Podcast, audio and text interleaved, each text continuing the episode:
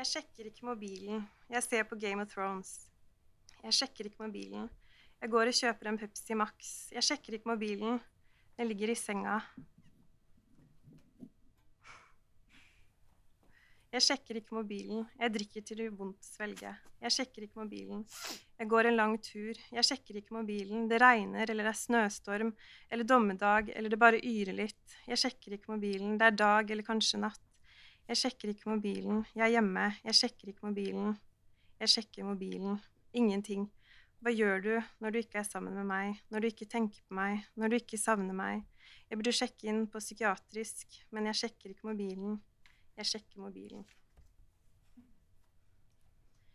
Vulkanutbrudd på Island, jordskjelv i Florida, tyfon på Filippinene, og så har vi deg, som får lov til å herje rundt i leiligheten min, ødelegge vinglass, spjære kjolen, brekker sengebeina, og når du drar, er jeg hun som går seg bort, og du han som blir meldt savnet. Jeg leser meldinger gjennom et knust skjerm. Glassbitene holdes sammen av en tynn plasthinne, akkurat som lykken jeg føler når vi er sammen. Den henger fast i deg, du holder den på plass, og tar den med deg når du drar, når du river deg løs, og jeg skjærer meg på alle bitene hver gang jeg sjekker om jeg er like hel.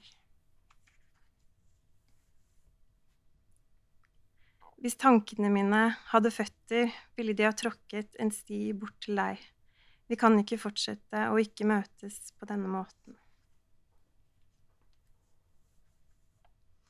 Vi sier hei, vi klemmer, og jeg gleder meg nesten til du må dra så jeg kan klemme deg igjen.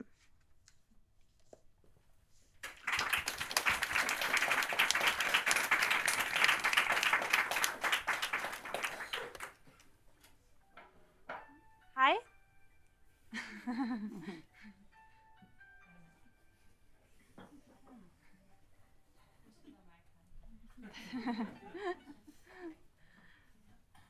og velkommen til Litteraturhuset i Bergen og til Debutanttripp, som er den faste programposten hvor vi møter de nye og lovende stemmene i norsk litteratur. Mitt navn er Lise Wintertun. Og det første vi fikk høre, det var eh, dikt av Ida Lorien Ringstad fra diktsamlinga 'Dette skjer ikke', som ser sånn ut. Den kom ut tidligere i år på Tiden forlag og har fått eh, mye oppmerksomhet bl.a. i sosiale medier. Vi skal få høre flere av diktene seinere. Så er vi òg så heldige å ha besøk av to andre debutanter som òg har sagt at de vil være med på denne samtalen med meg. Eh, Og det er Julie Stangeby, som sitter her. Hun har utgitt romanen 'Lufte gaupene', som ser sånn ut. Det er på Gyldendal forlag. Og så har vi eh, Runa Fjellanger, eh, som er helt ferskt ute med eh, romanen 'På motorveiene' på Oktober forlag. Og jeg syns vi kan få en god applaus for alle.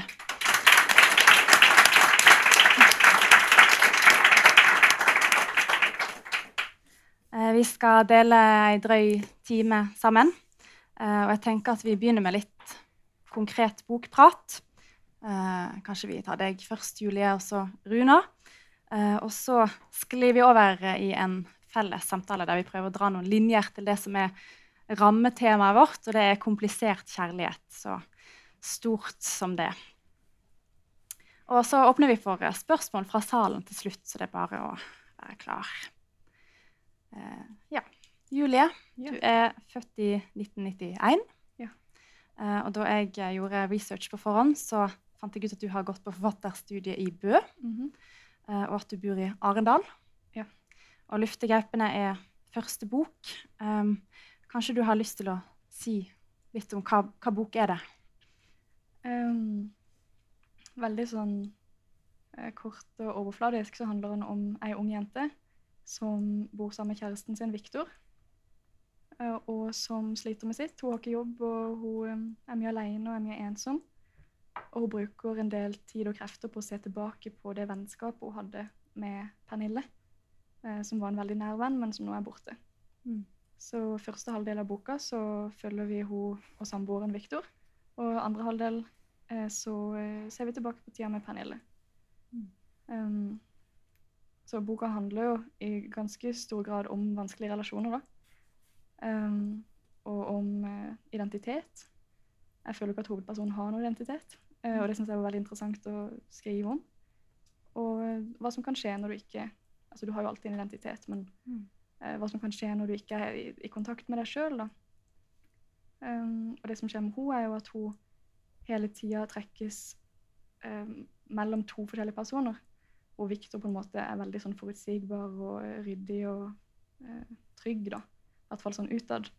Uh, mens Pernille re representerer noe litt mer sånn kaotisk og uforutsigbart. Og egentlig litt sånn farlig og kanskje litt sykt av og til. Så jeg syns det var veldig interessant å sette hovedpersonen min i den situasjonen. da, Hvor kommer hun til å gå? Mm. Um, for når hun ikke har noen sånn veldig idé om hvem hun er sjøl, så har hun nok ganske lett for å speile seg i andre, da. Mm. Ja, For vi, vi begynner jo med, med forholdet med Viktor. Det er det som Mm. skjer først i boka. Ja. Og som leser så fikk jeg raskt en sånn følelse at det er et eller annet som ikke er helt som det skal Ja. mellom de heller. For, for eksempel så har de bodd i lag i to år eh, i hans leilighet, og så har han hengt opp en lapp på kjøleskapet der det står 'Føl deg som heime'. Sant? Og så Mm.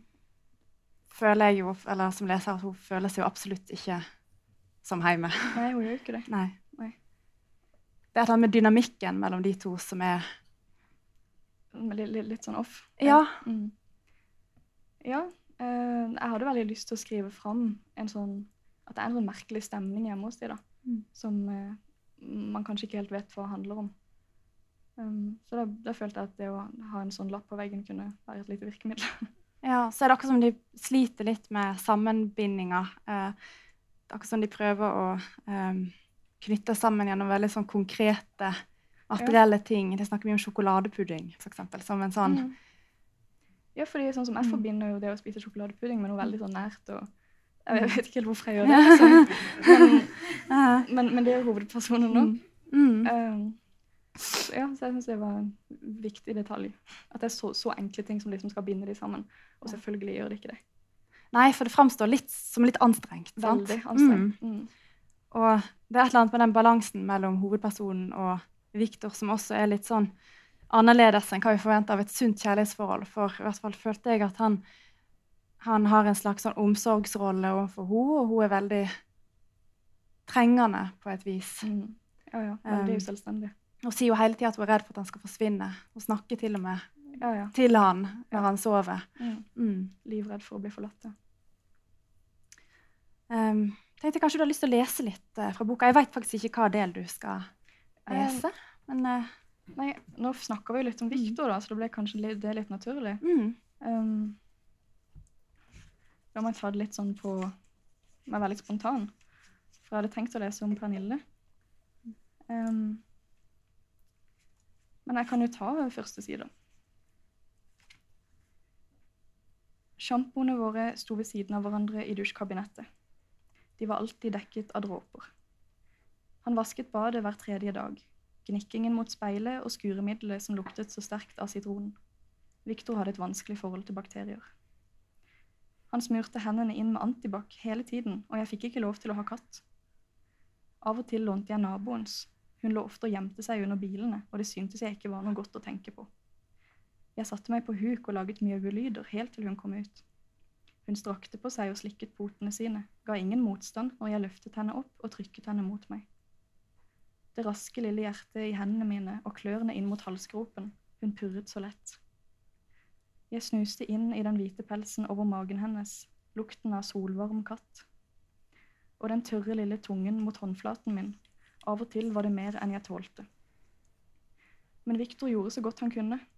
Jeg fikk lov til å bruke kleshengerne hans og, og skohyllen hans, og jeg fikk min egen teskuff på kjøkkenet. Han skrev opp passordet på PC-en, sikkerhetskoden til nettet, alt sånt. Så hengte han lappen opp på kjøleskapet under en delfinmagnet, og i parentes sto det 'Føl deg som hjemme'. Tenk på alt det andre han kunne ha skrevet. Victor holdt så mye inni seg. Vi hadde bodd sammen i to år. Da jeg tenkte på det, måtte jeg skru opp volumet på radioen. Der snakket vi om veiarbeid og heisekraner. Det var lurt å høre etter. Victor holdt hybelen så ren og ryddig, så hvit og sortert. Jeg hadde mye å lære. Jeg måtte ikke glemme å brette bukser. Han var så lite hjemme, og jeg var hjemme hele tiden. Han var på jobb, og jeg kokte kirsebærte og gikk gjennom mailen hans, og jeg fant ingenting hemmelig. Hybelen ble stille.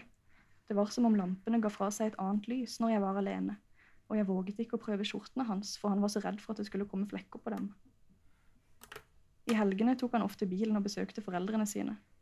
Han hjalp faren med hugging av vinterveden eller moren med henting av møbler. Han luktet annerledes når han kom hjem. Det hendte moren sendte med ham potetvafler og skolebrød, skolebrød i en isboks med navnet mitt skrevet på, enda vi aldri hadde møttes. Victor virket sliten når han var hjemme med meg. Helst ville han sitte foran PC-en og fly på simulatoren. Jeg ble liggende og høre på klikkelydene, tastingen når han forberedte flyet. Av og til tittet jeg mot skjermen bare for å se på skyene. Men om nettene falt vi på plass. Han holdt hardt fast i meg der under dynen og sa at han nøt meg så mye, hvis det gikk an å si. Han hadde aldri sovet så godt med noen ved siden av seg før, men jeg klarte ikke å bli ordentlig glad av å tenke på det. Victor leste meldingene på mobilen min når han trodde jeg sov. Nakken hans mens han lå sånn og leste. Hvordan han av og til snudde seg mot meg mens jeg knep øynene igjen. Jeg frydet meg over alt som måtte leve i ham da. Avslutter der.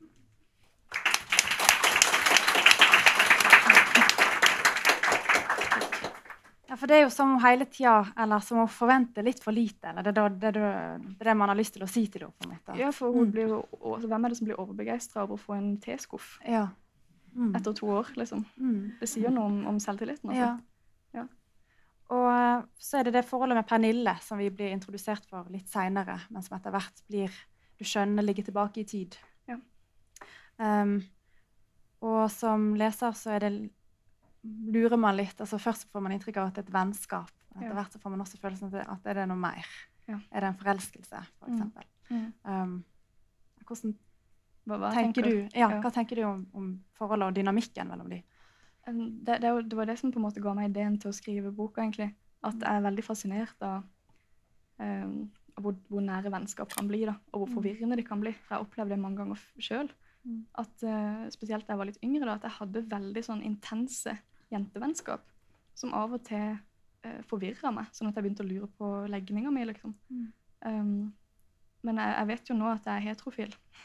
Men, men, um, men jeg lurte litt en stund, fordi jeg eh, Altså, jeg, jeg opplevde at de jentevennskapene kunne bli så tette at eh, jeg tenkte dette kan, dette kan aldri en mann gi meg. Mm. på en måte. Den forståelsen og den eh, egentlig en sånn her eh, intense, men veldig sånn uskyldige kjærligheten vi delte. da. Og, um, så jeg tror det er et sånt sted mellom forelskelse og vennskap og det å være betatt, som er litt sånn, en sånn gråsone, da, som, ja, som jeg syns var litt interessant å utforske.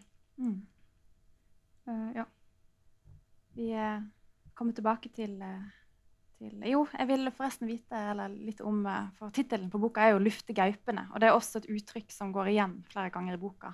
Vel både hovedpersonen som sier det til Viktor, og Pernille Mm, sier det Ja. til hovedpersonen. mm.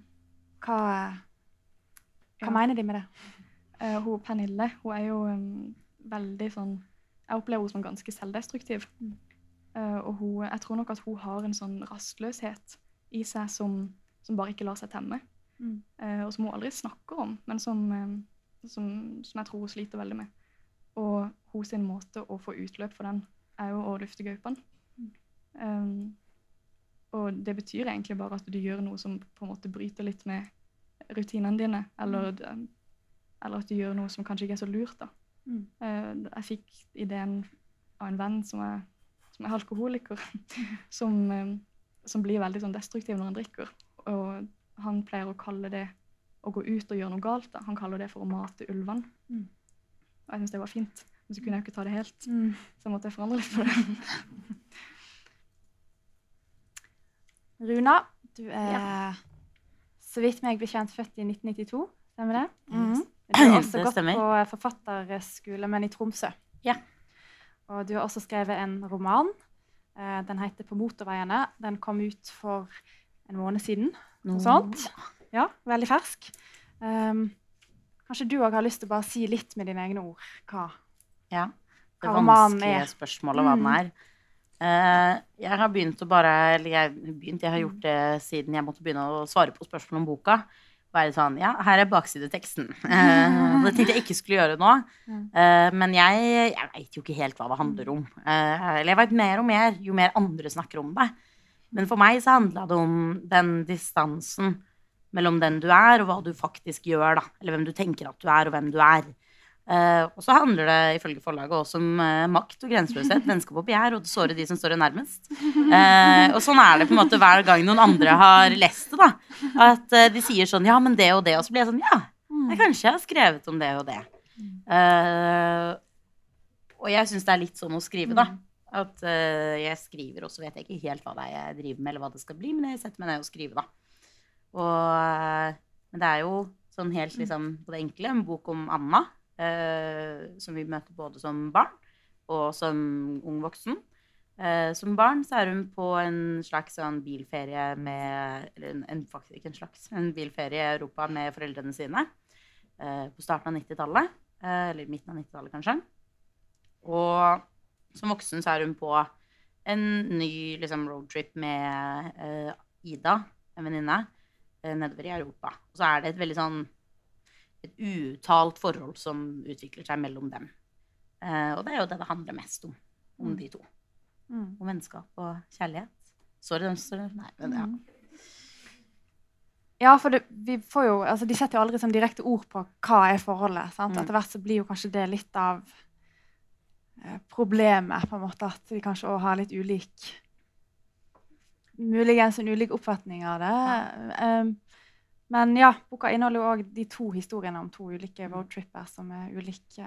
Begge har jeg sett eh, gjennom Annas øyne, men fra Mm. ulike stadier i livet. Eh, og så veksler jo fortelleren mellom de to. Mm. Um, kan du si litt om hvorfor du valgte de to perspektivene? Var det, ble det sånn, eller? Ja, ja, det ble sånn. Ja. Det er det som er problemet med å Mm. spørre meg om det, er at uh, jeg, har, jeg tenkte ikke så mye på det. Det ble Mm. sånn det var fordi det er sånn det skal være, da.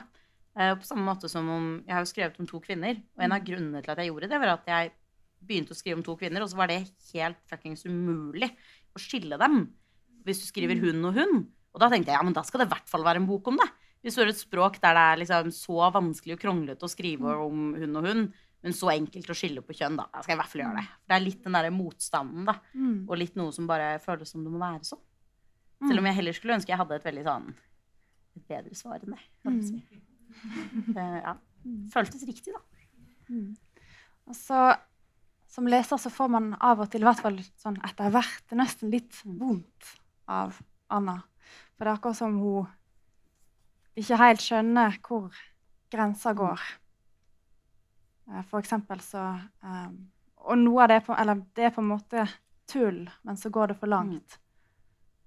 For eksempel så dytter hun Mm. Ida utfor brygga, sant? Liksom, Mm. på tull. Og så blir det for mye, og så slår hun henne på kinnet, og så blir det òg for mye. Mm. Og så har du liksom lyst til å Mm. holde henne litt tilbake. Men hva, hva er det der som Ja, men kjenner du deg litt igjen? Ja. Ja, fordi det er det jeg tenker da, at Mm. i, i litteraturen så drar man jo ofte ting mye lengre da, Mm. i det virkelige liv, men den følelsen av å gjøre noe man egentlig ikke tenker man er en person som gjør da, eh, er jo på en måte det, skal ikke havne i en sånn her, er liksom, selvbiografisk eh, diskusjon, eh, også fordi det ikke er en selvbiografisk bok, men også fordi det ikke er så interessant.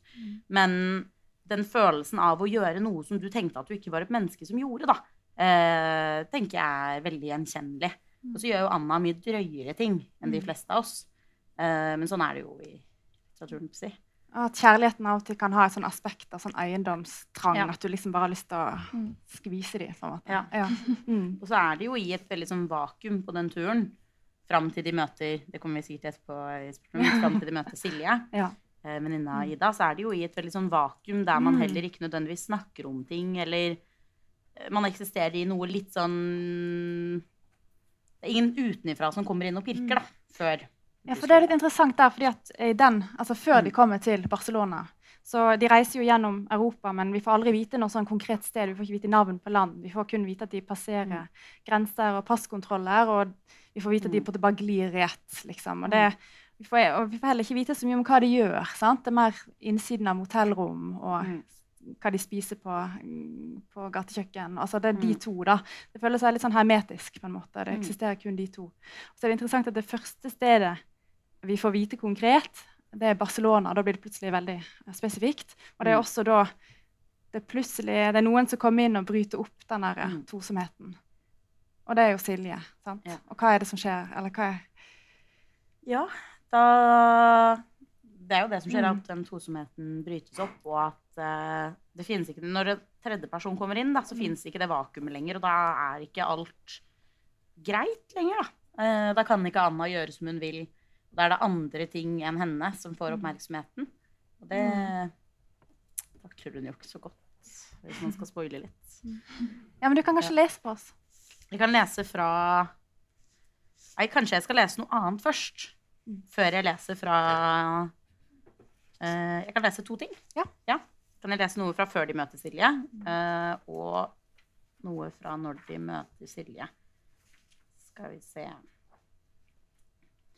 Anna har gitt opp å huske hvilken ukedag det er. Det er ikke forskjell på en mandag og en torsdag nå. Bilferielivet er forglemmelig, blurry, ingen spør. Hvilken dag var det vi kjørte i timevis? Dager som ligner hverandre, steder som ligner hverandre.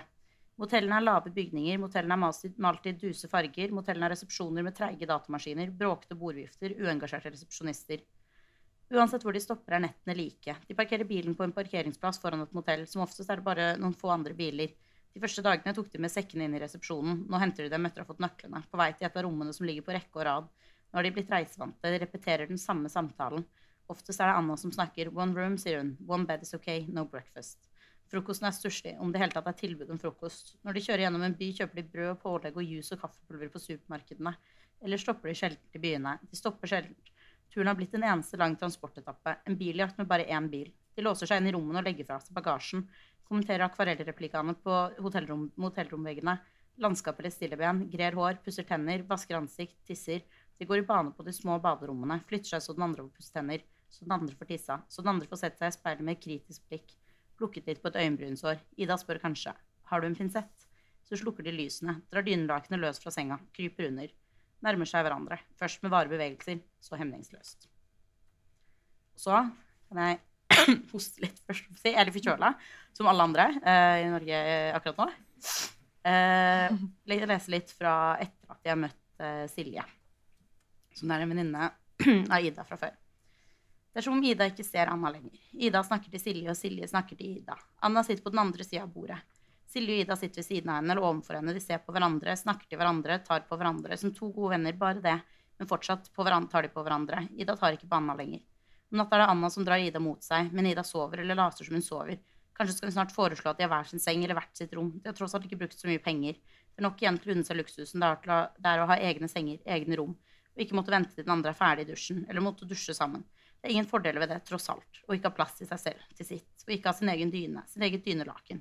Kanskje skal Ida snart si at hun blir litt lenger, at Anna bare kan kjøre hjemover igjen. Hun vil henge litt til med Silje. Det er så utrolig hyggelig å møte henne igjen. De har ikke sett hverandre siden Silje flytta. Eller kanskje blir det ikke så ille, kanskje foreslår hun bare at Anna skal dra på dagstur aleine. Til det museet hun har snakket så mye om. Silje er tross alt ikke så interessert i moderne kunst. Hun vil heller se litt mer på arkitekturen. Det er noen utrolig imponerende bygninger her. Eller gå en tur i fjellet. Det er jo ikke Anna så glad i. Anna kommer til å si at hun gjerne vil gå tur. At hun elsker å gå tur. Det er faktisk det beste hun veit. Men hun veit at hun ikke kan holde følge med Ida. Sikkert ikke med Silje heller. Kanskje sier de til henne at hun har sinket Ida hver gang de har gått på tur. At Ida, en, at Ida, vil, at Ida vil gå bare én tur i sitt tempo. Det kan hun med Silje. Hvorfor skal hun ikke få lov til det? Anna bestemmer ikke over Ida. Hun kan ikke tvinge seg med. Hvis hun tvinger seg med, blir det ikke noe gøy for noen av dem. Hun prøver å trekke Ida nærmere seg. Presser kroppen sin mot kroppen til Ida. Men Ida ligger helt stille. Puster tungt, som om hun sover. Anna prøver å ta på henne, vil at hun skal våkne. Hun prøver å presse hånda si inn mellom lårene til Ida. Hun får ikke hånda inn. Beina til Ida sprer seg ikke for henne lenger. Hun lurer på om Ida er våken eller ikke.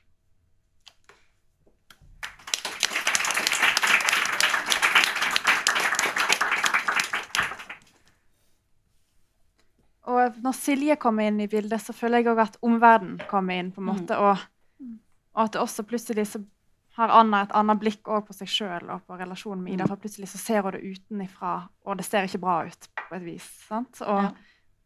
Det er en sånn intens skamfølelse Mm. som gjør at hun til slutt Ja. tar bilen og drar. Ja. Mm. Og det er jo da på en måte Det kommer for mange leseanvisninger, men det er jo da også den på en måte Eller det er jo et skifte Mm. uh, i hvor nært fortelleren kommer. Eh, uh, før og etter eh, Silje kommer inn, da. At den på en måte muren, da, eller barrieren til Anna, brister veldig. Og plutselig får vi jo vite hva Anna faktisk tenker. Mm. Det får man jo ikke tidligere. Eh, så det, skjer jo et eller annet der i dynamikken, da. Ja. Når de ikke er alene lenger. Mm. Og det er jo det er liksom et eller annet sånn, litt sånn uforløst også mellom Anna og Ida. fordi at eh, det ligger jo hele tiden en sånn veldig trykk der, men det blir aldri helt sånn aktualisert. sant? Eller sånn, og fordi at Med en gang de blir konfrontert med liksom omverdenen i Barcelona, så er de jo på en måte bare venner. sant? Mm.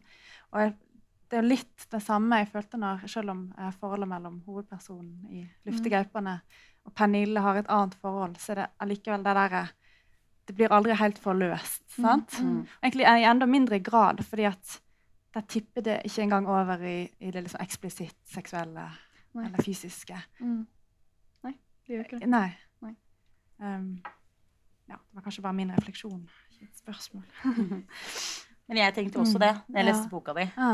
Eh, at uh, det var noe der. Men jeg tenkte sånn, er det bare jeg som leser det inn overalt? Er det jeg som er den samme leseren jeg var da jeg var 14 og leste de bøkene Mm. jeg ikke fikk lov til å lese? For det var litt det jeg òg gjorde. Jeg leste litt sånn den, den ene dagen og den andre den andre dagen. Altså om det var min bagasje da som liksom eh, la for mye inn i det. Men jeg ble ganske sikker etter hvert. Men, men igjen, det var liksom ikke helt tydelig, for det er mye fysisk kontakt. Men det er mer sånn ligge hodet på brystet. Og, altså, Mm. Det kan hele tida også være vennskap. sant? Ja. Mm. Mm. Ja, nei, men altså, jeg har Mm. tenkt litt at uh. Vet du ikke hva som skjer mellom de gangene. Altså, Mm. mellom sidene. Nei. Uh, jeg har jo tenkt litt sånn, da. Ja. At det kan jo ha skjedd uten at uh, de ville at jeg skulle skrive om det. Høres litt sånn schizofrent ut, men ja. Men samtidig så er det jo noe med det derre um, vennskapet som jeg også syns er veldig gjenkjennelig. Det er intense, Ja.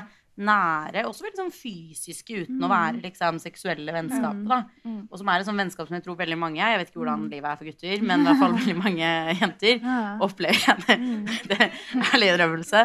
Eh, som veldig mange jenter opplever, kanskje spesielt liksom i 20-åra. da. Mm. Eh, man bor, hvis man bor sammen i kollektiv, for eksempel, da, så har man en sånn intens nærhet, og så får noen seg kjæreste. Mm. Og så er det helt annerledes, da, for man har hatt en veldig sånn tosomhet. da, Man har levd i et liksom, nærmest sånn monogamt vennskapsforhold. da. Mm. Eh, der man har gått fra liksom dele alt til at plutselig kommer det inn noen andre. Mm. Da er man litt sånn Det føles som å bli dumpa. Eh, selv om det ikke er liksom seksuelt, selv om det ikke er romantisk. da.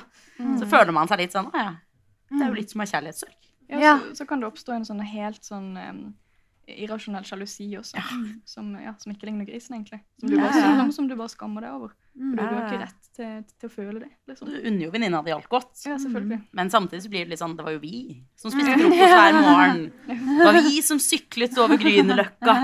Jeg syklet, hun satt bakpå. Mm. Nå er jeg lykkelig! Ikke sant? Man har sånne nærmest romantiske øyeblikk da, i et vennskap. Eh, og så plutselig så kommer det jo noe som er liksom litt større. Så har man kanskje liksom forent, altså vært forent rundt litt sånn skepsis til gutter og liksom folk som har såra deg. Og sånn, sant? Og så plutselig så Ja. trer den andre personen i sånn, inn i et sånt rom som du ikke har Mm. tilgang til. Sant? Liksom. Delte all maten Det i virkelig nære rommet, liksom. Ja. Mm. Men det skjer jo noe litt sånn med Pernille og hovedpersonen. For hovedpersonen får seg jo kjæreste. Eller blir i hvert fall interessert Mm. i Viktor. Ja, ja. Det blir jo litt sånn trekantdrama. Det er jo nesten Ja. Og der skjer det jo litt sånn her For jeg følte at um, lenge så var det hovedperson... Nei, det var Pernille som på en måte hadde litt makten. Mm. Ja, ja. Følte jeg. ikke sant? Mm. Tenkte de var på Roskilde, og hun forlater teltet og Mm. har en one night stand. Ja. Sant? Så Mm. kommer tilbake, og hovedpersonen eh, reagerer med en slags sjalusi, på det. sant? Ja. Men så skifter plutselig da maktbalansen, for da møter hovedpersonen Viktor på jobb. Mm. Ja. Hvordan reagerer Pernille på det? Nei, hun, hun tar jo ikke det godt i det hele Nei. tatt. Hun prøver å overkompensere ved å begynne å, å lage frokost og vaske og skure. og Ja. Akkurat som at det har noe effekt. ja. Um, men så eh, ja, så hovedpersonen velger på en måte bort Pernille til fordel for Viktor. Men Mm. Pernille Det blir jo sånn spoiler, da. Men Pernille straffer jo hovedpersonen for det. ja. Mm. Og egentlig ganske Hun drar det jo egentlig ganske langt. Ja, ja. to. Hun, ja, hun drar jo Mm. fysisk Mm. til et annet land. Mm. Ja. Det, er, det er ganske langt. Ja. Eh, og da kan vi jo, så passer det på at det sklir litt over i det generelle, der vi kan prate om de Mm. store tingene. Og, um, for noe jeg syns går igjen, og det går ikke bare igjen i disse bøkene, det er jo sånn, egentlig et grunntema i litteraturen, det er jo dette med maktforholdet i en relasjon, som kanskje er det som gjør at man er så fascinert av det temaet hele tida. Går det an at det ikke er sånn? Liksom, vil det alltid være Er det alltid én som vil litt mer, og som er pådriveren når den andre tar imot. Eller Nei, men Og jeg tror det forandrer seg Mm. ofte inni Ja. forhold over tid, da. Eh, Og jeg tror at mange av de som på en måte holder sammen, da, er jo Mm. de som der maktubalansen din enten ikke Eller der det er en maktbalanse, mm. eller der maktubalansen ikke er så stor. mm. Eh, Men det er jo ofte en maktubalanse i en relasjon. Den, mm. noen ganger kan den begynne på den ene sida og ende på den andre, eller omvendt. Og Mm. det er, eh, men det å ville veldig gjør en jo Mm. veldig sårbar og svak. Mm. Man blir jo litt patetisk Mm. av kjærlighet. Mm. På en god måte, Mm. men også på en litt sånn slitsom måte. Det er Mm. få ting som liksom gjør deg så ubrukelig i livet ditt som kjærlighetssorg, for eksempel. Du Mm. Får ikke gjort noen ting. Nei. Eh, ja. Mm. Mm. Og i den dynamikken mellom eh, Anna og Ida, eksempel, så, så eh, Den som har det fysiske overtaket, er jo Anna. sant? Men det er på en måte bare der hun har Mm. det. Og kanskje nettopp der, derfor hun tar det ut, Mm. på et vis. For den som til slutt avviser, i hvert fall sånn som Anna oppfatter det, Mm. det er jo Ida. Ja, og så med Anna, da, tenker jeg Eller Anna sliter jo litt med hva som er rett og galt, og liksom kanskje ikke den eh, beste moralske kodeksen eh, i Norge. Eh, men det er jo litt vanskelig iblant å vite hva som er rett og galt, da. Eh, og i hvert fall når det kommer eh, til kjærlighet, eh, så er det jo veldig forskjell på hva som er rett og galt ut ifra situasjonen, da. Eh, den samme historien kan jo være en sånn fantastisk kjærlighetshistorie hvis begge to er like interesserte. Hvis det bare er én som er interessert, så er det jo en historie om en utrolig slitsom stalker. Eh, det, er liksom, det er veldig mange ting som skal eh, gå overens. da. Veldig mange av de liksom, store kjærlighetshistoriene. da. Det er, Mm. og i hvert fall sånne historier som handler om litt sånn eh, Hva heter det nå? Eh, ikke gjengjeldt kjærlighet. Mm. Eh, er jo litt sånn både creepy og i Mm. tillegg til å liksom være ja. Mm. Så på baksiden av det er kanskje noe av det drøyeste jeg vet om, det er en veldig fin bok, Mm. men det er jo ikke en bok som handler om det som står på baksiden. På baksiden av den utgaven jeg har av Lolita, så står det at det er en av de største, har liksom, verdens største kjærlighetshistorier. Mm. Tenker sånn Jo da, Ja. men det er kanskje en litt dårlig lesning av, eh, av den boka, da. Ja. Eh, Ja. Samtidig så er det liksom ingenting som egentlig um, kanskje Jeg tror vi alle kjenner oss veldig igjen i det. Jeg tenker på de Lene Andersson-bøkene. Ja. Jeg tror alle på en måte vi har lyst til å bare kakke i hodet, liksom. Men vi kjenner oss så Ja. Det er en sånn desperasjon. Og så er det et eller annet som jo, jo mindre du får, jo mer desp blir du, på en måte. Mm. Og jo verre blir det. Ja. Alle har jo en venninne som man prøver, har tenkt sånn Skal man få henne ut, må snakke om det, må få det til. Og så bare til slutt så blir man sånn Nei, dette eh, går ikke. Dette gjør man ingenting med før hun slutter å være forelska i en fyr. Gjør ingenting hva han gjør. Det, det går ikke over før liksom, kjærligheten går over, da. Uh, jeg driver og leser Lene Andersson-bøkene nå. er Pinlig sånn Åh, gud. Mm. Det er meg! ikke like ille, heldigvis, som i litteratur, men ja. Mm. Et lesetips uh, til alle der ute. Les Lene Andersson. På svensk. Det er litt dårligere oversatt, men les på svensk. Mm. Burde jo alle norske lesere. Mm. Som ikke har dysleksi, det har man unntak, men ellers burde alle norske lesere klare å lese svensk. Det er bare å lære seg. Og utnytte den liksom, fordelen man har av å kunne lese tre språk.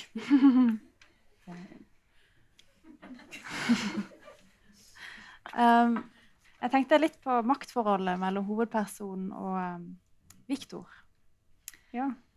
Um, for der føler jeg at um, det er noe med det at hun, hun hele tida det, det er litt han som call the shots, calls the shots, er ikke det det? Altså, hun legger seg litt sånn opp etter hva hun tror han vil ha hele tida, på et vis. Ja, ja. Hun er jo en leirklump, holdt jeg på å si, Mm. som bare former seg etter hva hun tror han vil ha. Ja. Mm. Mm. Bare sånn som at hun er jo, altså hun er jo syk Mm. eh, med, med migrene. Mm. Um, og liksom sånn, så godt som ufør. da. Mm. Og hun vil jo ikke at han skal vite det engang. Mm. Men det er jo vanskelig for han å unngå å få med seg det. Mm. Så hun spiller jo et skuespill hele tiden. Det er jo utmattende. Mm. Um, vasker huset før han kommer hjem. Eller nei, hun vasker det jo ikke. Hun Mm. bare sprer grønn såpe litt sånn i Mm. karmene så det skal lukte rent. Mm. Og det er jo Mm. Hun legger liksom joggeskoene på gang for, at Ja. det skal se ut som at hun har trent. Mm. Eh, altså, hun er jo veldig, veldig slitsom. Mm. Og, nei, ingen selvstendighet. Hun er veldig irriterende. Mm. Det var veldig sånn Jeg vet ikke. Jeg, jo, jeg bryr meg jo om henne på en måte. Mm. Jeg merker jo det da jeg skrev, men jeg ble mer og mer sånn matt. Mm. Så ja, han er jo definitivt overtaket der. Så får liksom han da måte litt lov til å da være fornuftens stemme hele tida. Ja. Han er den sunne, men den Mm. skikkelige familien. Og, Han er jo også en litt kjedelig og streit fyr. ja, absolutt. Ja, Mm. med skjortene sine og Og det er jo et eller annet Ja. der som skjer, sant? fordi at um, allikevel så, så hun, snakker, hun tenker mye eller fantaserer om hva barn de skal ha, og hva hus de skal ha, sant? og hva framtid de skal ha. Men allikevel så skjønner du hele tida at det kommer ikke til å skje. liksom. Ja. Hun, kom- kommer ikke til å, det kommer ikke til å skje. Ja, du tenkte det? At det Jeg tenkte det. Ja. At det var nesten som en slags sånn her sorgprosess du må gjennom, for det, det, akkurat det der livet er ikke på deg. på en måte, Eller. Mm. eller i hvert fall ikke i det forholdet. Jeg vet ikke, Kanskje det var min tolkning, da? Nei, nei. Jeg Nei. tenker heller ikke at det er noe håp der. Mm. Jeg hadde veldig lyst til at hun skulle bli veldig mye lykkeligere. Ja. Ja, det var en litt sånn vond prosess, det der. Mm. Fordi da jeg begynte å skrive henne fram, så bare ja, så ble, ble det bare mer og mer sånn tydelig at jeg måtte gi henne masse sånn elendighet. Jeg måtte liksom Mm. bare øh, Som ikke var stusslig nok fra før, så måtte jeg henne migrene. Og så, og så begynte hun Ja, hun ble liksom Hun ble svakere og svakere på, øh, på alle måter. Mm. Um, til slutt så ja, så ble jeg bare trist av å skrive, egentlig. Mm. Faktisk. Ja, men jeg ble det. Ja, ja. Jeg ble veldig lei meg. Mm. Det er litt trist å skrive, da. ja. Ja, det er jo det generelt. Ja, liksom. Ja. Det er mye skam. Mm. Mye skam. Ja, mye sånn eh, Skammer ikke du deg? Jeg Jeg, skammer meg så mye når jeg leser det. Mm. Og jeg skammer deg Når du leser opp Ja, noe, for ja, ja, sånn. At du føler at ikke det er bra nok og sånn. Ja, eller man, man sitter og liksom Man har nærmest lyst til å redigere mens man leser, og det er veldig vanskelig å gjøre. Å prøve å endre ting mens man leser Ja. høyt. Men jeg har liksom to steder i boka der jeg har liksom bare skrevet inn noe annet. Eh, liksom endret et ord og sånn. Mm. Jeg, jeg leste faktisk en ting annerledes nå enn hva som Ja, står. ja, jeg. Ja, men ikke sant, en tekst er jo alltid i bevegelse. Mm. Og på et tidspunkt så er teksten så klar at den må ut. Mm. Og at den ikke nødvendigvis kommer til å bli bedre, men den vil jo alltid på en måte bevege seg inni deg. da. Så når du leser, så vil du på en måte tenke hvordan det skulle blitt. Skulle noe blitt annerledes? Mm. Når man leser korrektur, er man så drittlei. Mm. At man Jeg gjorde ikke veldig, veldig Eller liksom Jeg stolte på korrekturleseren i veldig stor grad. Jeg gikk gjennom og så på hva hun hadde endret, men jeg leste ikke hele boka mi på nytt. Da ville jeg bare komme med masse nye endringer. Og det var ille nok at jeg ikke helt uh, kunne da og når-reglene, tydeligvis.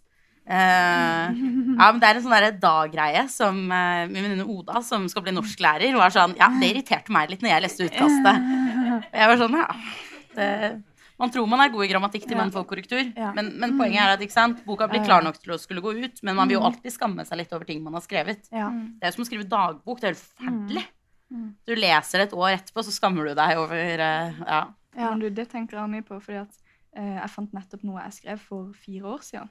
Og jeg husker at jeg var ganske fornøyd. ja. Ikke sant? Eh, og så leser jeg det nå, og så er det kanskje én setning av 70 sider som er sånn Ja, den kunne jeg brukt den til noe. Mm. Uh, og og jeg, jeg ble ganske engstelig for hva jeg kommer til å føle om det opplegget der om, Ja, ja, ja. om, om en tid, da.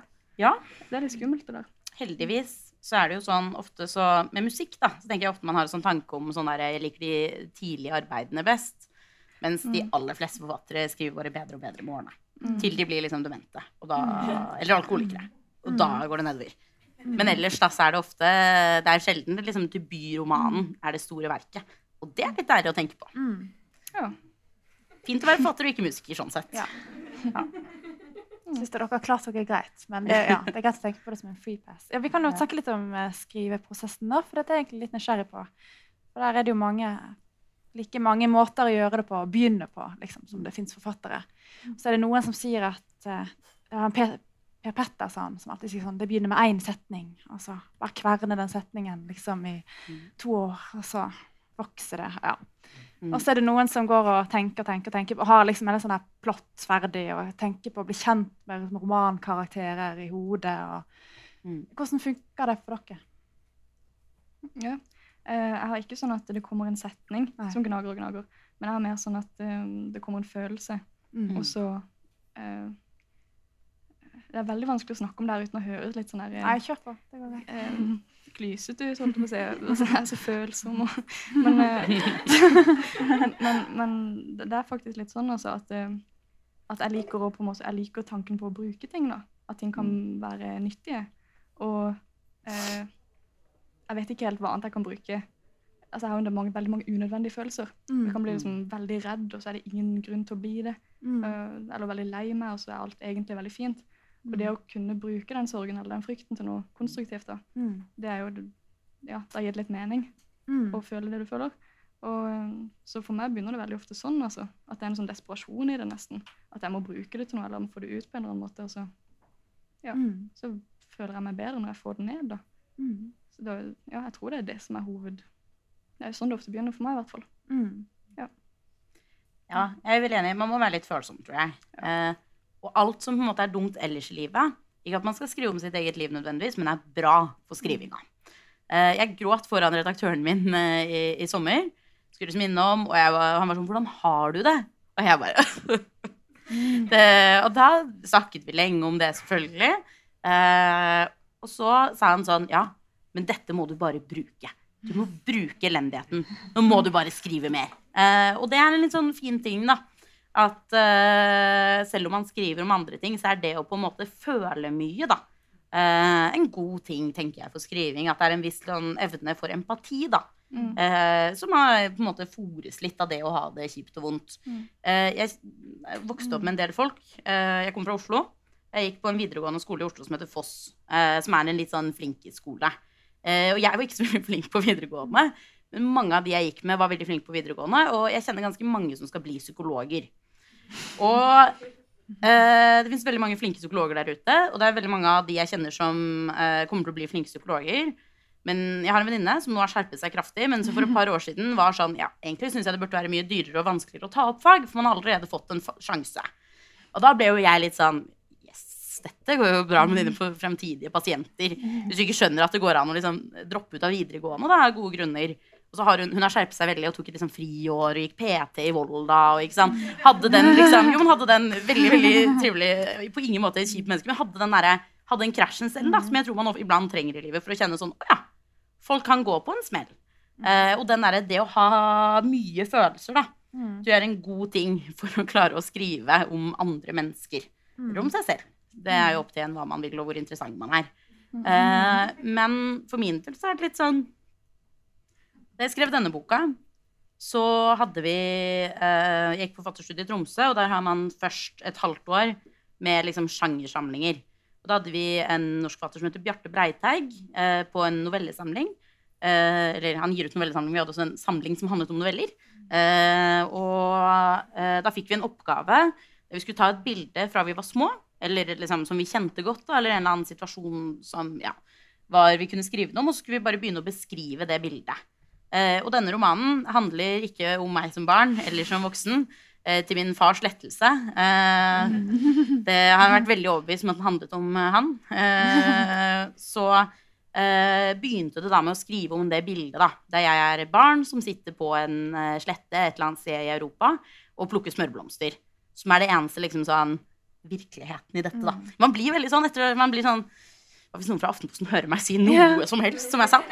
Men, eh, men, eh, men det begynte i et bilde. Og så bare skrev jeg. Og så kom det inn noen som het Anna, eller som egentlig først ikke hadde noe navn, men som var en hund. Og så? Og så, bare, så fortsatte det sånn. Men nå syns jeg det er helt umulig. eh, For nå vet jeg litt hva jeg vil skrive om. Sist ante jeg ingenting, jeg bare skrev. Men så nå syns jeg det er helt forferdelig når man vet litt hva man vil skrive om. Og så er alt liksom 100 forskjellige typer tekster. da. Du har liksom en sånn samling av tekster som bare er forskjellige forteller, forskjellig Ja, det er liksom noe er jeg, noe er hun, noe er eh, ja, kort, noe er langt, alt mulig tull. Så jeg kunne ønske det var litt som å skrive i første bok, egentlig. At man bare satte seg ned og skrev. Mm. Og, ja. Men det er vel kanskje det. Jeg syns det. At uh, sånn plottskriving, det føler jeg er veldig sånn uh, fantasy-opplegg, da. 2008. Ja, ja, men da vet du veldig mye om hva som skal skje. Da. Jeg syns jo kanskje språket Det er veldig sånn, har gått på forfatterstudiet ting å si, men jeg syns språk er like viktig som handling og form. Eh, og da funker det ikke å bare liksom vite hva du skal skrive om, da. Mm. Det var et veldig langt svar. Nei, men det var veldig bra. Mm. Noen må begrense Men er det litt sånn man gjør, da? For du òg eh, har jo altså em, Det er ikke sånn superplott-drevet, sant? Det er mer sekvenser, sant? Litt som Ja. hos Runa. Er det, kan det, er det litt sånn at dere etter hvert OK, der hadde du noe bra, der hadde du noe bra, og så redigerer man litt på det, og så setter man det Er det litt sånn det foregår? Ja, kanskje. Jeg tror ikke jeg helt skjønte Nei, altså, altså det liksom, ja, man, har, man har skrevet litt her og litt der, liksom. Oh, ja, Sånn som du beskrev, noe var i jeg, og noe var i du, og så Ja, Etter hvert så setter man det litt sammen, da, kanskje til en Altså bruke elementer fra det og det, istedenfor å sitte Ja. seg ned og bare sånn lineært. liksom. Ja. Mm. Og noen ganger så sier jo f.eks. redaktøren din Mm. her må du skrive inn noe mer. Ja. Og så må du prøve på det. Og det er jo Jeg mener at kanskje tilbakemelding er noe av det nyttigste man får, enten Mm. om det er å ha en redaktør, eller gå på et forfatterstudie, eller om man lager seg en liten responsgruppe med venner, eller liksom hvordan man gjør det. Mm. Så er jo noe av det nyttigste med å få respons det at du er nødt til å prøve de tingene du kanskje ikke var så gira på å prøve. da. Mm. Du får beskjed om at sånn Nei, nå må du prøve å skrive dette i en annen tid, liksom. Mm. Eh, og så Mm. prøver du det. Og noen ganger så funker det, og noen ganger så funker det ikke. Mm. Men jeg er i hvert fall litt avhengig av sånn ytre press. Mm. Ja, det er deadlines og Ja, ja. Mm. Mm. Respons kan jo også være knalltøft. Ja. Altså sånn, antar jeg. Ja. Å ja. Ja. Mm. Ja, ja. Det, Jeg forbannet på et tidspunkt um, Espen eh, Stueland, eh, som var eh, gjestelærer i Tromsø når vi hadde essay, og jeg skrev et veldig dårlig essay. Og han hadde vært der året før og fått beskjed om at han brukte for kort tid på de han ikke likte så godt. Så han brukte 15 minutter på å slakte det. Jeg husker jeg tenkte sånn uh, Så faen meg sende boka mi når den er ferdig. Så jeg har ikke gjort det, da. Men jeg ble sånn hevndrevet, da. Sånn, jeg skal vise at jeg kan. Jeg kan ikke skrive essay, men jeg skal skrive en roman. Og jeg syns jo negativ tilbakemelding iblant kan funke sånn at man tenker sånn Jeg skal vise at jeg kan. Mm. Hvis det bare er negativ tilbakemelding, så bare griner man, da. Men eh, ja, jeg har faktisk aldri grått av tilbakemelding. Det er mye annet. Det, jeg vet ikke, har du? Grått av tilbakemelding? Ja. Ja. jeg har det, altså. Ja. Ja, jeg har det. Uh, det kommer veldig an på hvem som, hvem som sier det. Altså, Mm. hvis det, er, det har jo skjedd at det er noen jeg virkelig respekterer, da, og som jeg nesten ser på som et sånt kompass når det kommer til litteratur. Mm. Eh, de gangene Det var jo en gang han, eh, for det er én spesiell da, som jeg Du må har si hvem det er. Nei, jeg kan ikke. Det er ingen som tar opp. Ja. Nei, nei, nei, det, Ja. nei, du vet ikke hvem det er, sikkert. Men, Kjell Askelsen. Var det det? Nei. Nei. Oh, nei, det er ikke det. Eh, Ja. Nei, det er ikke, han er ikke kjent. Okay. Eh, Ja. Men, um, men allikevel et kompass da, um, for meg. Eh, og jeg prøver egentlig å få han til å slutte å være det. Men, um, Mm. men han, eh, han er såpass flink, syns jeg, da, at det han sier, det liksom trumfer hva alle andre sier. Mm. Um, så hvis han har en litt dårlig dag og føler seg litt sånn sleivete, uh, så uh, kan han knuse meg, holdt jeg på å si. Så det, jo da, jeg kan bli veldig lei meg da. Mm. Men um, det er jo en øvelse det også, da. Man må jo, man må jo tåle det. Mm. Man må jo børste det av seg og prøve å ta til seg det man kan gjøre noe med. Også. så. kanskje det er kanskje litt den balansen som vi snakket om men Ja. i stad, der Mm. inne, liksom at Én ting er tilbakemelding og ta imot det, Mm. men samtidig liksom vite litt ja, men dette er mitt prosjekt. Og det er ikke alle som er enig med det, på en måte, men Mm. Jeg vet at det er det, som, det er det jeg vil gjøre. liksom. Ja, det er en bokblogger som var den første som skrev om boka mi. Hun syntes coveret var fint, eh, men ellers var det ikke så mye fint å si. Hun leste det i sånn Ari Behn-stemme inni hodet sitt. For mye sex. Og det var en bok som eh, kanskje litterære forstå-seg-på-ere ville trykke til hjertet, men som hun eh, syntes det var for lite av det hun ville ha, og for mye av det hun ikke ville ha. Uh, og jeg har da brukt en del tid på Nummer én tenkte jeg sånn, ja ja, jeg vil gjerne at litterære forstå seg på jeg skal trykke den til hjertet. Kjør på, liksom. Det er jo, setter jo alltid pris på at noen liker boka. Men jeg brukte mye tid på én, liksom eh, dekreditere bokbloggere for meg selv. Og bare være sånn Nei, bare tull. Og det mener jeg jo egentlig ikke, men man må på en måte gjøre en sånn der indre greie. På den andre siden late som jeg bare ga elegant faen i det og syntes det var kjempemorsomt. Eh, og det syns man jo ikke. Man syns jo alltid det er litt vondt. Men nå har jeg da jobbet nok med det til at jeg syns det er ganske lol. Eh, og jeg syns bare det er artig at hun eh, syns coveret var fint, eh, men ble skuffet av innholdet. Og sånn tror jeg man må gjøre med tilbakemeldingen. At Ja. Iblant så må man bare legge noen for hat. Da. Mm. Eller bare tenke, late som man syns det er kjempemorsomt. eh, for å gå videre da, når noen ikke liker det man driver med. Eller sånn dra en knausgård og henge de alle ut, liksom. Ja, ja. Jeg uh, kan hende jeg uh, screenshotta det og la det på Instagram. Men uh, på Instagram lolla på det. Men det ja. Jeg ser klokka går. Jeg vil bare som, s- eh, dra oss litt tilbake til kjærleiken. Bare, hvis det er greit. Um, Mm. Fordi det var et spørsmål jeg eh, hadde, uh, for det var noe jeg tenkte mye på når jeg leste, og det er barndommen, for å dra litt sånn psykoanalyse inn her. Altså liksom, uh, I din bok, Rune, så er det jo veldig tydelig, sant? Mm. Nesten halvparten av boka er jo sekvenser. eh, Minner fra barndommen, drømmer fra barndommen osv. Um, og det er jo noen ting som skjer i barndommen til Anna, som på en måte har noen paralleller i det som skjer i nåtiden med Ida. sant? Eksempel det med å gå for langt. Det må Mm. gjør jo også litt det samme i barn. og dytter en jente på en campingplass fra et tre, f.eks. Mm. Um, hadde du noen sånn tanke bak hva barndommen betyr for hva, hvordan man blir i en Ja. kjærlighetsrelasjon? da? Det er mange tanker bak. Mm. Uh, og en av dem er Jeg er litt opptatt av det liksom, ikke-psykologiserende, og det er Mm. noe av det jeg er mest redd for om jeg har fått til eller ikke. Mm. For jeg mener at Og dette er jo selvfølgelig sånn folk må lese boka akkurat som de vil. Eh, men jeg tenker at Anna ikke er den hun er som voksen pga. hva som skjedde som barn. Eh, for det skjer ikke noe sånn veldig stort og Mm. dramatisk. Det skjer ting, små ting som på en måte er dramatiske i et barns liv. Det skjer ikke noe sånn enormt eh, i, hennes liv. Og foreldrene hennes er helt OK pluss-foreldre, liksom. Eh, som tar godt vare på henne, men som ikke alltid er perfekte, liksom. Og, ja. Men min tanke er heller det at Anna er den hun er, både som barn og som voksen. da. Mm. Eh, og at noen ganger liksom, Det er en sånn, litt sånn antipsykologiserende tanke, da. Eh, og jeg vet ikke om jeg står for det. Boka står for det. Uh, men jeg vet ikke om jeg vil dra det så langt og si at man liksom ikke forandrer seg. For det er mye venn som forandrer seg. Men det er liksom en sånn kjerne i Anna, da. Uh, som er der når hun er barn, Mm. og som er der når hun er voksen. Og hun gjør noen av de samme tingene og har noen av de samme trekkene. Og det er en viss sånn liksom stagnasjon i henne, da. Mm. uh, i det. Men jeg har tenkt at det ikke skjer fordi noe skjedde henne, men heller at hun er ganske lik. Mm. Bare Mm. 20 år eller noe eldre. Jeg vet ikke hvor gammel hun er. Jeg. Eh, litt opp Jeg har ikke lappen, og jeg har Mm. ikke helt bestemt meg for hvor gammel hun er som barn, og det er sånne ting jeg har håpet ingen har merka. Det er hittil ingen som har sagt at det er helt åpenbart at du ikke kan kjøre bil. Eh, Ja. det er bra. Men hos deg så er det jo også eh, det, Men det er mye mer eh, sånn subtilt, på en måte, da. Men um, Ja. det er jo likevel et barndomsaspekt fordi at det er fraværende, på en måte. Altså, Ja. eh, hun, det er en ung kvinne som ikke drar hjem til jul fordi hun ikke har noen å dra hjem til, sier hun. Sant? Og, Ja. Mm. Uh, ja.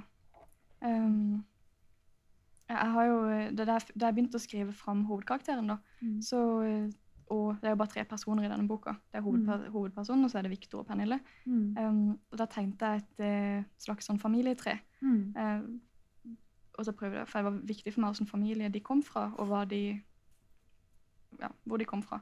Og det ble veldig fort tydelig at Victor kom fra ganske trygge, uh, gode kår, mens både Pernille og hovedpersonen har hatt Det er noe der, da. Mm. Eh, og jeg tenkte at jeg kan godt vite hva som har skjedd, men jeg vil Mm. ikke skrive det rett ut her. Mm. Eh, så det, det står jo ikke. Men jeg tror eh, her og der så kan man nok kanskje ane at det har i hvert fall vært omsorgssvikt. da. Mm. Men akkurat hva som har skjedd, det, det står nok ikke helt sånn svart på hvitt. Mm. Men det skal jo ikke alltid så veldig mye til heller, da, for, Mm.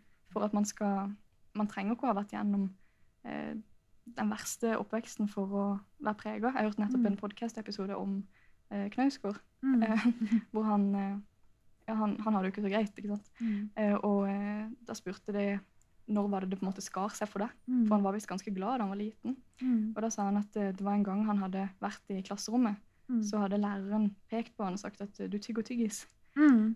Eh, og da satt jeg liksom og venta litt. ok, Så ble han slått, eller Mm. hva skjedde? Men det kom ikke noe mer. Mm. Det var det.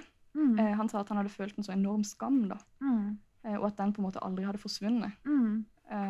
Og det er jo litt sånn komisk. Mm. Det er vanskelig å på en måte helt forstå hvorfor Mm. det kan ha vært så ille. Mm. Men jeg føler det er, det er ofte jeg hører sånne historier om folk som Mm. forteller at, det, at ja, det skjedde noe da jeg var ti år, Mm. f.eks. Mm. Og så blir jeg nesten litt sånn Jeg venter hele tida på at det skal komme noe verre. Mm. Men eh, det er, vi er jo skjøre vesener, da. Ja. Det, det skal ikke så mye til alltid før vi, noe ja. setter seg i oss, og så føles det som at eh, vi aldri kan gå tilbake til den opprinnelige tilstanden. Liksom. Mm. Skaff, Skammen inntreffer jo også hos Anna. Mm, sant? ja. Når hun er liten, tenker på det med soveposen og Mm. tissinga, så hører foreldrene snakke om det. Sant? Mm. Som er på en måte en liten, Det er mange barn som har gjort det, men det er Mm. likevel sentralt på et vis. Sant? For, Ja. Mm. Det er jo en stor skam i det, kan, det er jo på en måte bare et veldig sånn enkelt eksempel, da, Mm. det å tisse på seg. Men at det er, det er mye skam i det som barn ikke blir voksen fort nok. da. Ikke slutte med de tingene som gjør deg til et barn. Jeg husker jeg og en venninne drev og liksom sniklekte eh, med dokker, eller med liksom, som Barbie-dokker, i liksom femte klasse eller noe sånt. For da skulle vi egentlig være ferdig med det. Vi hadde jo fortsatt lyst til det. Og det er et sånn der veldig sånn der krysningspunkt når man er en del eldre enn det han er som barn. da. Men er jo for eksempel Du både har en del sånn uforståelige voksne- eller tenåringsfølelser i deg. Eh, man er eksempel ekstremt opptatt av liksom man- Jeg husker man liksom Man var veldig sånn Man hadde utrolig lyst til å kline, men var livredd for det. Samtidig som man har kjempelyst til å leke med Barbie, men Mm. vet at man er for gammel for det. Ikke? Det er veldig sånn herre Mm. Så ikke på barne-TV. På Mm. ingen måte. Når man går i femte klasse, for da er man for gammel. Det er en veldig sånn her overgangsperiode. da. Det er mye skam i det å være barn. Jeg tror jeg lekte med Barbie til jeg gikk i åttende klasse. Det er Ja. Kanskje ikke så veldig bra, men ja. Nei, men du skammer deg når du Ja. får mensen, samtidig ja, du skammer deg for liksom Mm. barnedelen av deg, da. Det, Ja. Og så um, um, er det jo en eller annen grunn til at vi kommer tilbake til kjærligheten og de relasjon, den relasjonen hele tida. Mm. Liksom. Nest, nesten i alle bøker så spiller det Mm. en stor eller ganske stor rolle. Um, det må jo være et eller annet med kjærligheten som, som er mer eks, eksistensielt enn bare akkurat den trosomheten. Det er et eller annet Vi møter oss sjøl kanskje der på en annen Eller på en ja. sterkere måte enn liksom i andre relasjoner. Jeg vet ikke. Har dere, er det noen grunn til at vi kommer tilbake til? Ja, Ja. det er jo et stort og eh, vanskelig Mm, spørsmål, med noen åpenbare svar og noen liksom vanskeligere. Mm. Det ene er jo at liksom, for eksempel forelskelse er en så utrolig sterk følelse. Da. Mm. Uh, I tillegg så er det noe med tettheten og nærheten. Hvor mye man vet om hverandre. hvor liksom, Når man har kjærlighetssorg, så kjenner man jo ofte på sånn abstinensfølelse. Uh, nærmest at det er fysisk ubehagelig. Fordi et vennskap Mm. det på en måte Ofte så forsvinner vennskapet litt ut. Og plutselig så er man ikke så nære venner lenger. og Man vet ikke helt når det skjedde, eller når man sluttet å møte hverandre. Det er veldig sjelden man slår opp med en venn. Det skjer liksom iblant, men veldig ofte så bare glir man fra hverandre. Men i et forhold så går man liksom cold turkey. Eh, jeg har en del venner som uh, f.eks. har slutta å snuse. Og da er det sånn at det føles som å miste en nær venn. Eller å slå opp. Og det er litt sånn, det er en sånn ja, abstinensfølelse da, som jeg tror gjør liksom at kjærlighetssorgen føles så liksom altoppslukende. Mm. Men jeg vet ikke. Det er jo Kjærlighet er jo noe annet. da. Og på ingen måte liksom det viktigste eller eneste i livet. Mm. Men det er jo absolutt noe viktig i livet.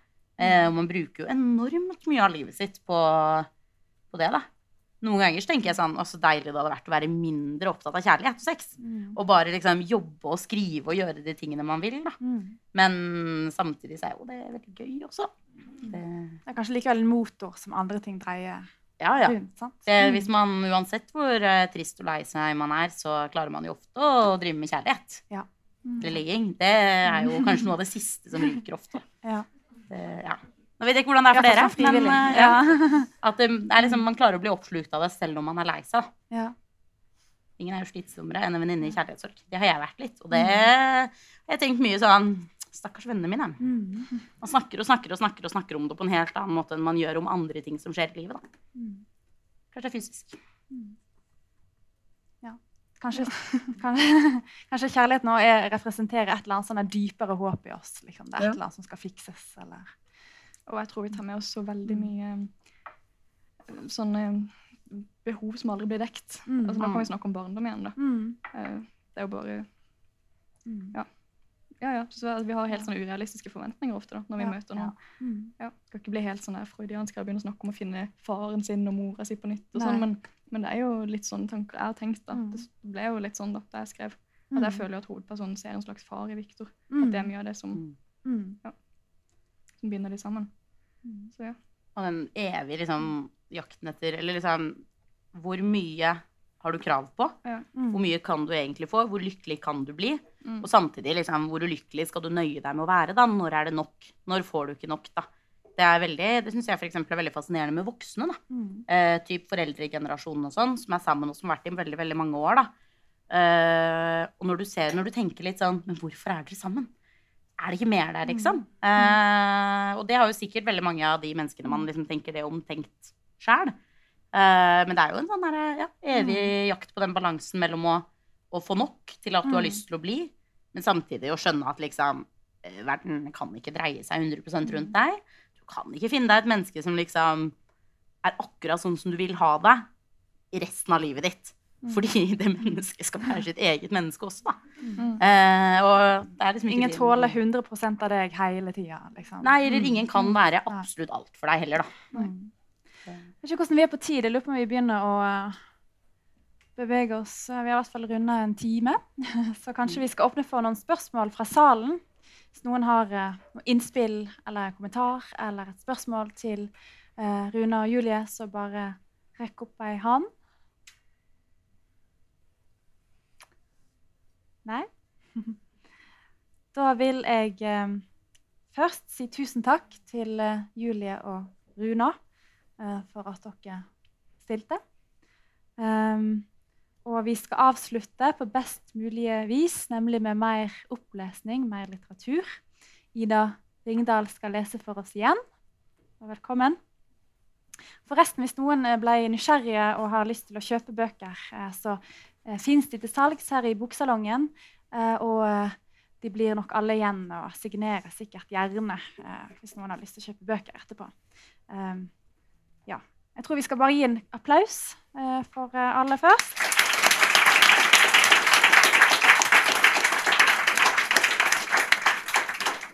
Og takk for meg. Ikke nå. Jeg måtte sjekke meldingene vi har sendt til hverandre, scrollet bakover for å huske hva jeg gjorde for en uke siden. Hvordan skal det gå med meg i et avhør? Men jeg husker at jeg plukket et hårstrå fra skulderen din den 26. september i tolvtiden mens du snakket om noe trist som jeg ikke kunne fikse. Men jeg kunne ta bort hårstrået, og i stedet for å holde deg i hånden, holdt jeg hårstrået før jeg kastet det fra meg på gulvet. I et avhør ville jeg sagt at slik jeg husker det, holdt jeg ham i hånden. Lånerne. Jeg leser et stridig forføyning, som en annen leser har laget tre eselører i, eller kanskje tre lånere har laget ett øre hver. En har sølt på side 28. Jeg ser ikke hva det er, men jeg ser at det er mat. En annen er streket under dialogen på side 92, kanskje som en beskjed til fremtidige lånere. Til meg. Se, det var usedvanlig bra skrevet. Se nøye. Det er fint å tenke på at jeg er en av mange lånere som har lest og holdt i den samme boka, grått og ledd av de samme partiene, spart på den hjerteskjærende passasjen om håp, irritert seg over hovedpersonen fordi hun minner om oss selv. Og hvis vi spoler tiden skikkelig fort, frem til år 2317 f.eks., så er lånerne og jeg blitt født, lest denne boka, forelsket oss, vært redde, vært glade, snakket om mye, tenkt på alt, lånt livet og levert det tilbake, sammen samtidig. Snart er jeg ikke ung og lovende lenger. Det blir en lettelse. Jeg vil eie egen bolig og male Melkeveien på veggene, så kan jeg bare gå inn på verdensrommet mitt når jeg trenger litt space. Jeg er ikke bare en enkel gutt fra landet. Jeg er en komplisert og trist gladjente fra Frostvedt. Takk.